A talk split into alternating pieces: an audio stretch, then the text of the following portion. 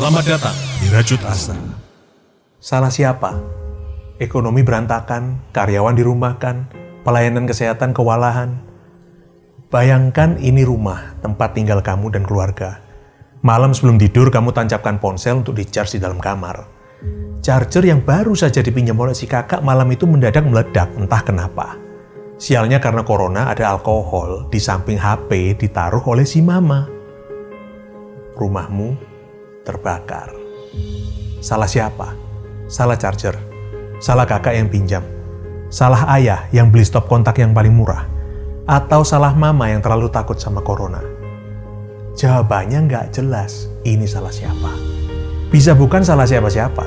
Ataupun bisa juga salah kita bersama.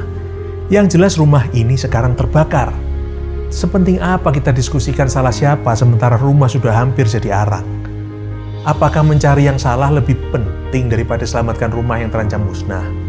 Kita harus gimana? Marah-marah? Nyumpain orang lain yang kita anggap yang masalah? Sementara kau biarkan api melalap habis kau punya istana? Perajut tercinta. Sadar gak sih? Seperti ini sekarang tingkah kita. Saat bangsa sedang ditimpa masalah, sering kita habiskan waktu menabur cacat celah dan sumpah serapah Diri sendiri kita bela, orang lain kita celah. Cari penyelesaian, kita lupa.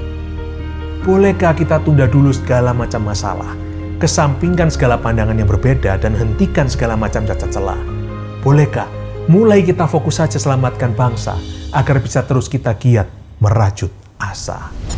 Hai Prajut, temukan Rajut Asa juga di Facebook, Instagram, dan Youtube. Sampai ketemu lagi para Prajut. See you!